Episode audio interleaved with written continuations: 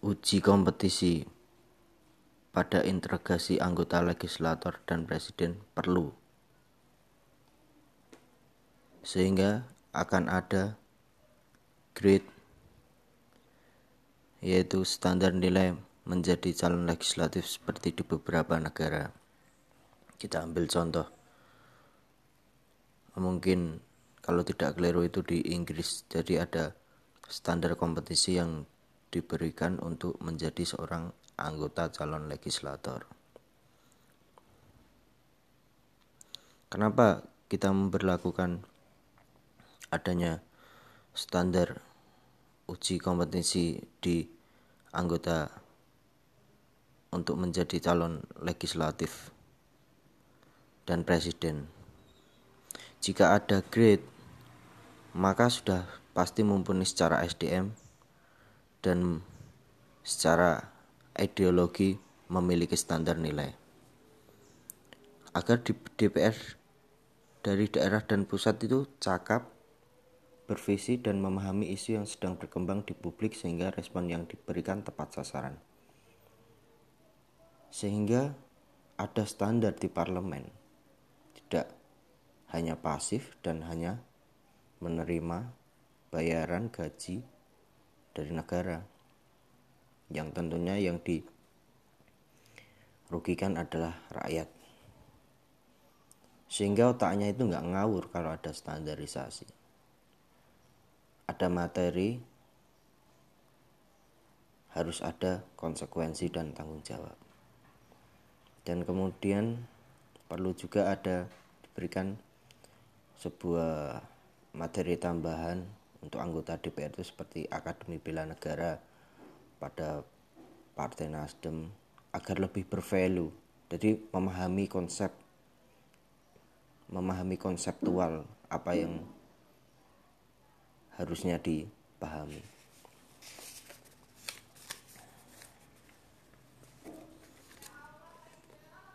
Adanya standar nilai sehingga anak pimpinan atau tokoh partai belum tentu bisa masuk di anggota parpol. Parpol, parpol kan dapat anggaran dari APBN.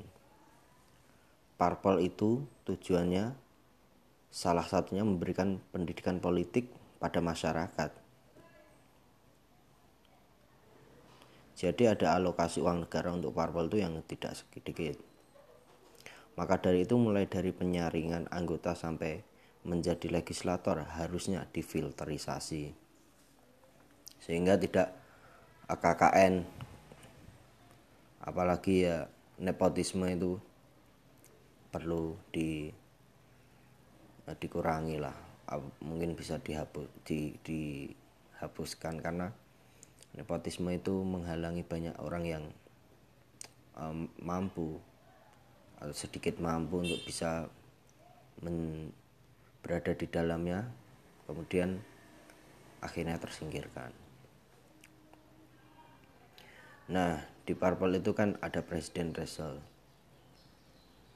presiden threshold itu menjadi langkah pertama menyingkirkan pesaing-pesaing anyway dalam uh, polemik pemilu. Jadi ada satu partai yang sebenarnya bisa menjadi satu kekuatan baru seperti PSI akhirnya tersingkirkan karena tidak Presiden Teso kemudian Partai Gelora salah duanya adalah itu. Cobalah jika seperti itu adanya. Cobalah jika kita negara kita akan negara kita ada standarisasi ada standarisasi yang kemudian uji kompetisi pada integrasi anggota legislator dan presiden. Cobalah di negara kita ada seperti itu. Terima kasih salam pendengar. Ya kembali lagi meneruskan pembahasan selanjutnya. Adanya presiden threshold. Adanya presiden threshold telah membuat PSI dan partai bergelora tidak bisa mengirimkan uh, anggota legislatifnya pada pemilu 2019 sebenarnya ada beberapa dari anggota parlemen PSI yang berhasil lolos namun karena partai tidak mencapai presiden threshold maka hmm, Giring Niji tidak bisa menjadi anggota parlemen. Ini sebenarnya menurut saya mencederai tentang hak-hak demokrasi di mana harus ada presiden threshold. Kenapa? Tidak didiadakan saja. Karena itu lebih fair untuk ke depannya. Dalam pemilihan umum tanpa harus memandang partai yang penting kapabilitasnya di pemilu di pemilihan. Sehingga mungkin akan bisa timbul dari partai netral eh dari netral dari uh, dari golongan netral. Istilahnya apa ya?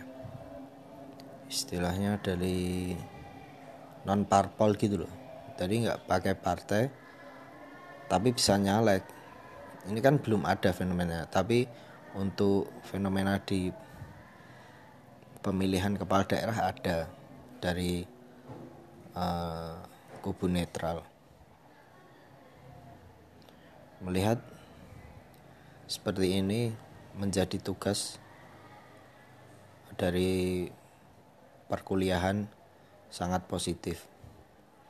Mengutarakan pendapat yang kemudian di-share ke publik sebagai sebuah sebagai sebuah ilmu untuk menambah wawasan eh, pengetahuan publik yang semestinya dilakukan oleh parpol tapi jarang untuk dilakukan. Karena mungkin parpol lebih sibuk untuk urusan-urusan yang lebih berduit sehingga pendidikan politik untuk warga masyarakat sangatlah jarang atau minim sekali. Kembali ke topik awal. Adanya regulasi integritas uji kompetensi pada anggota legislator parlemen maupun presiden sangatlah penting karena kita akan tahu isi dari kepala calon-calon yang akan mengajukan diri mengemban amanah rakyat sehingga pasti akan mumpuni bila materi uji kompetensi itu ada. Ditambah lagi apa itu? Mungkin hmm, seperti di parlemen Inggris dan Amerika mereka sangat berbeda dengan di sini. Di sini itu masih bau nepotisme banget. Kalau di sana ya kalau kamu berkompeten kamu bisa maju. Tidak seperti di sini. Kalau kamu ada duit kamu baru bisa maju. Itu yang membuat uh, rest in peace demokrasi di Indonesia yang makin ke sini makin mengalah makin mengarah ke oligarki nepotisme. Karena hanya beberapa segelintir. Ya itu itu saja maksudnya masih keluarga ini kepala daerah terus di sana juga akhirnya keluarganya menjadi anggota dewan dan sebagainya.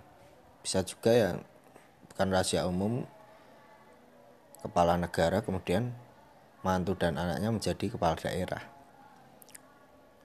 Bukankah ini sesuatu yang seperti dinasti keluarga akan menilik apabila dilihat seperti pada zaman Orde Baru Pak Soeharto.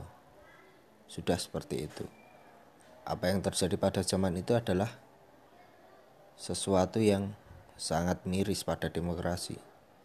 Namun pada pembangunan ya memang diakui sangat pesat perkembangannya karena masyarakat dilarang mengkritik pemerintah yang bersikeras memajukan pembangunan. Namun setelah era reformasi kejadiannya berbeda. Tapi makin ke sini kejadian yang sudah menjadi sejarah mungkin akan berulang.